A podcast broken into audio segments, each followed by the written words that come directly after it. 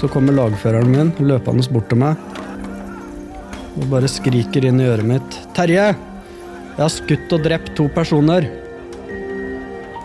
Ja, det er mottatt, sier jeg.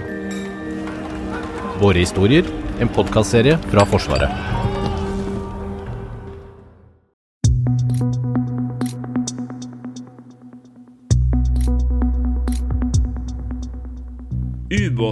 Er et av de mest slagkraftige våpnene vi har i det norske forsvaret. I 40 døgn i strekk kan ubåtene våre gjemme seg under havoverflata, og på den måten skremme andre fra å utfordre norsk suverenitet. Men hvorfor er ubåter så viktige? Hva gjør egentlig en ubåt, og hva vil det si at det er et strategisk våpen? Du hører på Forsvarspodden. Jeg heter Jørgen Lyngvær.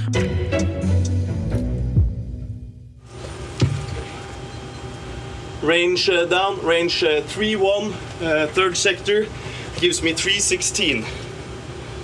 8 to beat check. Bravo. Øystein Walland, du er sjef for ubåttjenesten. Hva er det som er så spesielt med ubåter som gjør de så viktige? Jo, eh, det er et par særegenheter med ubåt. Eh, noe som er veldig eh, åpenbare òg, da. Og det, det, første er jo at vi opererer skjult. Eh, vi opererer under vann, og det er jo fortsatt eh, i dag den siste plassen hvor man, eh, som, ja, hvor man fortsatt kan operere skjult. da. Og der har vi en rekke teknikker for det. Enten så går man nærme havbunnen, tett inntil fjellvegg eller man opererer i en flokk av eh, hvaler. Eller man kan um, transitere under et, et fartøy som, som, beveger seg fra A til B på overflaten. Så det er en særegenhet med ubåt som er helt tydelig. Det er at de opererer skjult. Det andre er jo uh, utholdenhet. Ubåtene våre opererer jo altså det vi kaller for autonomt, altså stort sett alene. Og har en utholdenhet på opptil 40 døgn. Og eh, En kombinasjon da av denne skjultheten og den utholdenheten, så har jo vi òg eh, stor overlevelsesevne om bord på ubåt i en, eh, en, eh, krigssituasjon. Og eh, så er den tredje er jo slagkraft. Um, Ubåtene våre er jo det mest slagkraftige våpenet vi har i det norske forsvaret. Um, for vi har det vi kaller for tungvektstorpedoer. Det er jo store torpedoer med mye sprengstoff eh, som har en, eh, en eh, kobbertråd eh, festet i seg, eh, som òg er festet i ubåten i andre enden, som gjør at vi kan styre torpedoen straks den har forlatt røret. og det vi ønsker, er jo at den torpedoen skal gå av under målet. og når den da detonerer, så løfter den opp la oss si en, eh, Hvis målet er en eh, fregatt, så løfter den opp fregatten og, og knekker den i to. Sånn at den setter den helt ut av spill. Um, sammenlignet da med altså, typiske missiler, så vil missiler gjerne bare ta ut uh, enkeltseksjoner av et fartøy. Så det skal ganske mange missiler til for å ta ut et fartøy. Mens man trenger kun én torpedo fra en ubåt for å ta ut et fartøy. Uh, og samfunnsmålet med, med ubåtene våre er at de skal være en avskrekkende effekt. Det vil si at de skal uh, påvirke en aktør eller en annen stats vilje til å utfordre norsk suverenitet og norske interesser. Og Når du sier at det er strategiske, hva betyr det liksom at et våpen er strategisk? Ja, altså En uh, veldig fin definisjon på det er at uh, ubåtene alene kan utgjøre utfallet av en krigshandling. Eller at um, trusselen om at man vet at det er ubåter i et område, kan uh, få en potensiell motstander til å velge å avstå fra å gå inn i en krigshandling eller gå inn i det området. Det utgjør at, at ubåtene våre er en strategisk kapasitet. Hvor er det vi liksom reiser med ubåtene? Ja, altså nå er jo hovedbasen til marinen er jo her i Bergen på Håkonsvern. Eh, så her har jo vi ubåtstaben, altså landavdelingene. Eh, vi har ubåtskolen, hvor vi utdanner eh, alt ubåtpersonell. Og så har vi en ubåtstøtteavdeling, og så og vedlikeholdsfasilitetene. Og så øver vi på å drifte ubåtene sikkert og effektivt etter de har vært inne på vedlikehold. Og, og normalt etter det så deployerer ubåtene til eh, Nord-Norge, hvor de opererer ut fra en base som heter eh, Ramsund orlogsstasjon, like innenfor Harstad. Eh, Så vi har jo kontinuerlig tilstedeværelse oppe i nord. Ja, og så deltar vi på en del sånne internasjonale øvelser. Mye borte i Skottland i forbindelse med ubåtsjefskurs. En del rundt Island på en øvelse som heter Dynamic Mongoose. Ja, så vi er mye i de områdene der, i Nordsjøen, Norskehavet og oppe i nordområdene. Når en ubåt er ute og patruljerer, hva er det egentlig en ser etter? Ja, altså Ubåtene er jo primært altså en kampplattform, eh, men kan òg brukes eh, til eh, overvåking og innhenting av informasjon.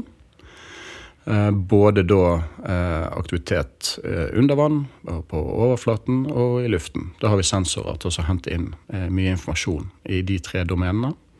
Så det er mye det man, man driver med ut ifra det operasjonsområdet man befinner seg i. Sørg for at man har et godt bilde av den aktiviteten rundt seg. Og det er et bilde som man støtter hovedkvarteret i Bodø med. Eh, den informasjonen vi får inn, sender vi til, til hovedkvarteret, sånn at de eh, altså bygger det totale, hele bildet. Vil du si at liksom eh, hovedoppgaven til en ubåt er å være et eh, på en måte et gjemt våpen, eller er det å jakte på noen andre? Eh, og det er jo der litt man kanskje skiller eh, eh, de ulike ubåttypene. Eh, det som vi har, altså Dieselelektriske ubåter de har jo eh, begrenset eh, rekkevidde, begrenset fartspotensial. Som det jeg nevnte innledningsvis, da, med at de skal ha en avskrekkende effekt, det er jo at de skal være, de skal være ute i havet, skal være til stede. Hvor de er henne, skal være ukjent for en potensiell motstander. For at de skal kunne være avskrekkende. Hva er forskjellen på våre ubåter og Russland sine ubåter? Vi har det vi kaller for dieselelektriske ubåter. eh, som har en elektromotor som hele tiden gir fremdrift. Eh, foran den elektromotoren så er det to eh, store dieselmotorer som er påhengt to generatorer. Og, i kjøl av ubåten så har vi store pakker med batterier. Eh, så eh, med jevne mellomrom så må vi opp på periskopdybde for å lade de batteriene. Da. Kjører vi opp det vi kaller for en snorkelmast. Stor hulmast som vi suger luft med inn i maskinrom, så vi kan kjøre eh, dieselmotorene. eh, og, generatoren lader da batteriene. Eh, veldig sånn enkelt forklart hvordan en dieselelektrisk ubåt fungerer. Russerne òg har òg ubåter med den fremdriftslinjen. I tillegg så har de det man kaller for SSN-er. Det er jo atomdrevne angrepsubåter, man kaller det. Og så har de det man kaller for SSBN-er, som er ganske store, eh, veldig store ubåter. eh, Og atomdrevne, eh, som har kapasitet til å avfyre ballistiske missiler med atomstridshoder. Og de har jo en funksjon som en sånn annen slags kraft. Sant? Det er jo ubåter som eh, stort sett alltid er ute på patrulje. De skal alltid være ute på patrulje. Og eh, skal alltid holde seg skjult. Eh, og skal alltid være eh, i stand til eh, å kunne avfyre ballistiske missiler. Da.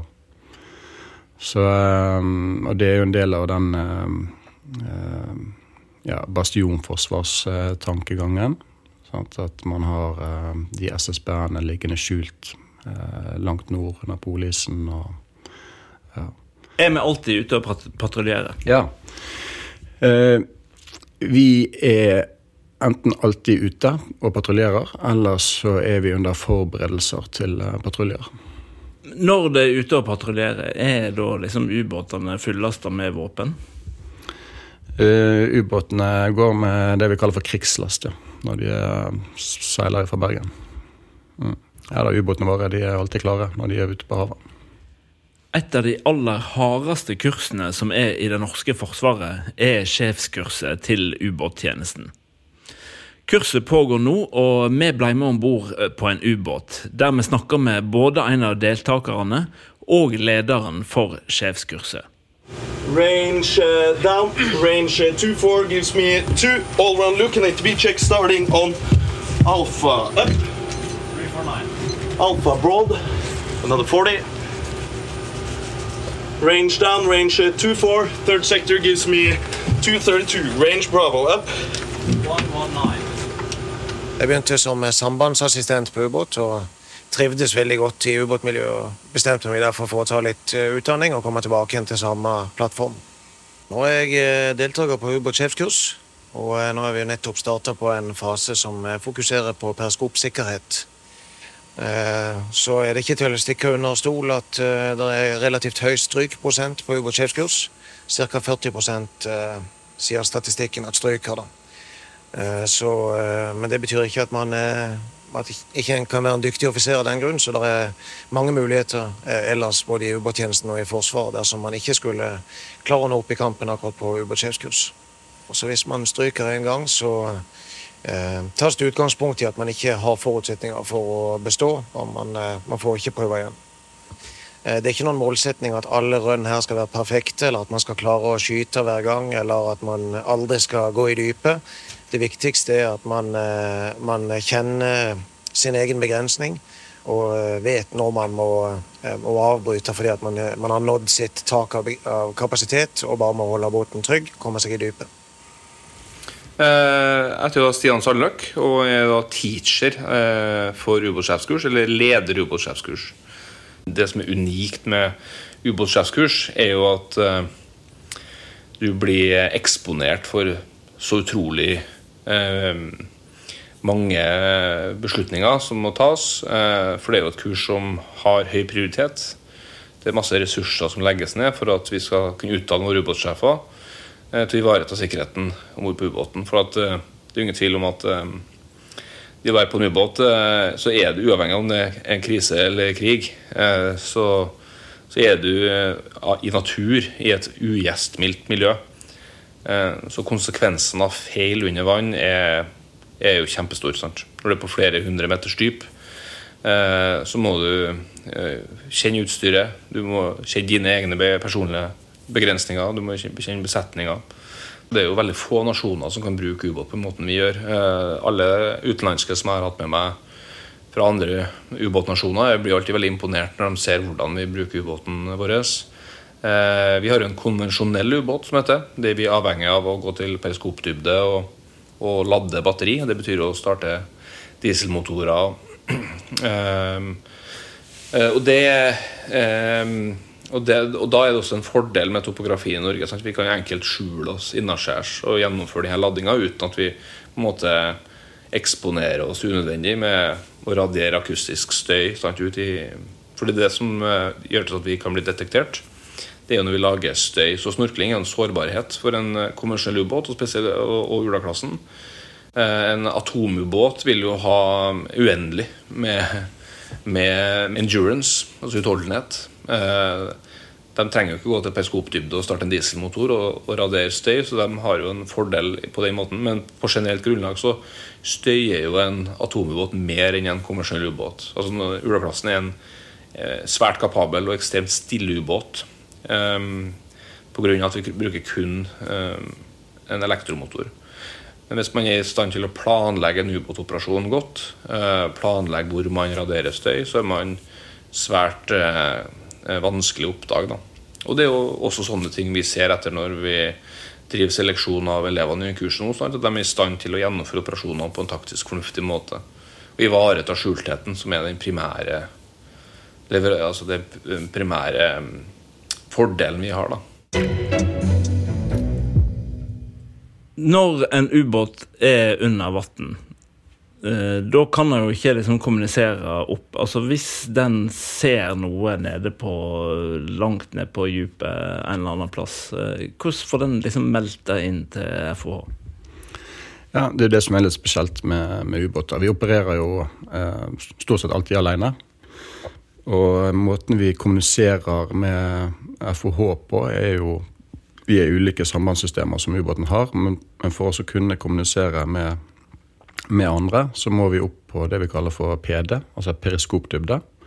Da har vi eh, en del eh, som master, sambandssystemer, som vi kjører opp, som bryter overflaten.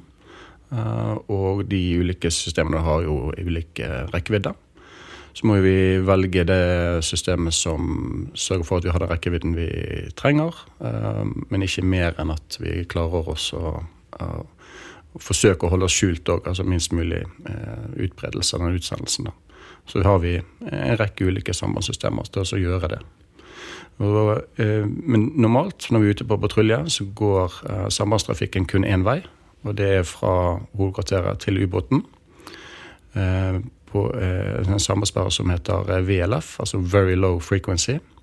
Og der har vi en, en stor antenne som er på toppen av tårnet på ubåten. Eh, og der kan vi ta imot sambandstrafikk selv om ubåten ligger under vannflaten. Altså det er ingenting som bryter vannflaten. da. Så vi kan ta imot sambandstrafikk samtidig som vi er helt skjult. Så normalt da når vi er ute på patrulje, så går det den sambandstrafikken bare én vei. At vi går det vi kaller for silent. At vi har ikke noe utsendelse. For hvis det sender noe signal, så er det fare for at det blir oppdaga òg.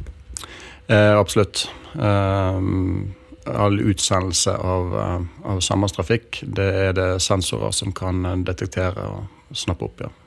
Hvor lenge kan eh, våre ubåter være under vann? Eh, vi har eh, testet en utholdenhet på 40 døgn. Da har vi vært ute på patrulje i 40 døgn. Um, erfaringene viser at vi evner å være lenger enn det. Um, ja. Eh, og du sier at eh, våre båter er eh, små. Men hvor store er de egentlig? ja, de er ja, 60 meter lang, cirka. 10 meter høy, 5 meter brei. Um, ja. Fordelen med de er jo at uh, de er smidige, fleksible, veldig manøvrerbare. Sant? Og så ble jo disse her designet og, og satt i drift uh, på slutten av kalde krigen. Sant? Eh, og, og var jo tiltenkt å operere i, i nordområdene eh, langs norskekysten, innaskjærs. Eh, og det er jo en oppgave som de fungerer veldig, veldig bra i. Samtidig som vi òg har seilt Ula-klassen til østkysten av USA og trent med amerikanske hangarskipsgrupper der. Vi har vært på en rekke deployeringer i Middelhavet under, altså under operasjonen Active Endeavour en rekke år. Eh, så det er jo en ubåt som, selv om det er en liten ubåt, eh, så evner jo han fint å operere globalt. Mm. Og de nye ubåtene vi får, er de samme størrelse? De er betraktelig større. Det er de. Um, de har litt andre sensorsystemer, og så har de en helt annen, et helt annet fremdriftssystem.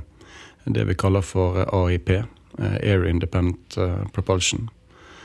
Um, som gjør at, uh, sammen med en del andre nye systemer, da, som gjør at båten blir en god del større enn de vi har i dag. Blir det bedre plass inni det òg? Eh, ja, altså vi eh, har jo eh, brukt mye tid på å sørge for at uh, det skal være eh, fornuftig utformede arbeidsplasser og eh, Og det er jo et sånt spørsmål jeg alltid får, om jeg ikke får uh, klaustrofobi av å være nede i ubåten. Det, men uh, det blir man testet på før man begynner å seile ubåt om man har klaustrofobi eller ei. Uh, og svært svært sjelden i, i løpet av de ti årene jeg seilte ubåt, så opplevde jeg at, eh, at noen hadde problemer med det. Um, så det, det er jo rart å være neddykket eh, ja, opptil 40 døgn i en ubåt. Um, livet blir fort, og hverdagen blir fort en rutine. Um, tiden går fort når man er nede der. Enten så er man på, på vakt, eller så eh, har man det litt sosialt med de andre som er av vakt, eller så spiser man eller sover. Og en kan jo ikke kommunisere med resten av verden, så smarttelefonen eh, er jo kanskje ikke så spennende der nede. Det er helt riktig. Når eh, lukene stenges, da har vi ikke lenger noen kontakt med omverdenen på, på telefonen eller sosiale medier. Um, så de, de samles inn og eh, stues vekk. Um, og så er det jo jeg tror mange som opplever at det er litt behagelig å kunne legge den fra seg. Eh, Det blir fort mye oppmerksomhet på den telefonen eh, i, i en vanlig hverdag. Hva gjør det på du Spiller kort, eller hva gjør det? Ja, altså eh, ubåtfolk er kjent for å være ganske sosiale. Eh, og er flinke til å samles i messen og, spille kort eller brettspill eller eh, arrangere filmkvelder. Eh, og finne på ting i lag i messene. Og hvis man har behov for litt eh, privattid, så får man det når man legger seg i, i bikken sin.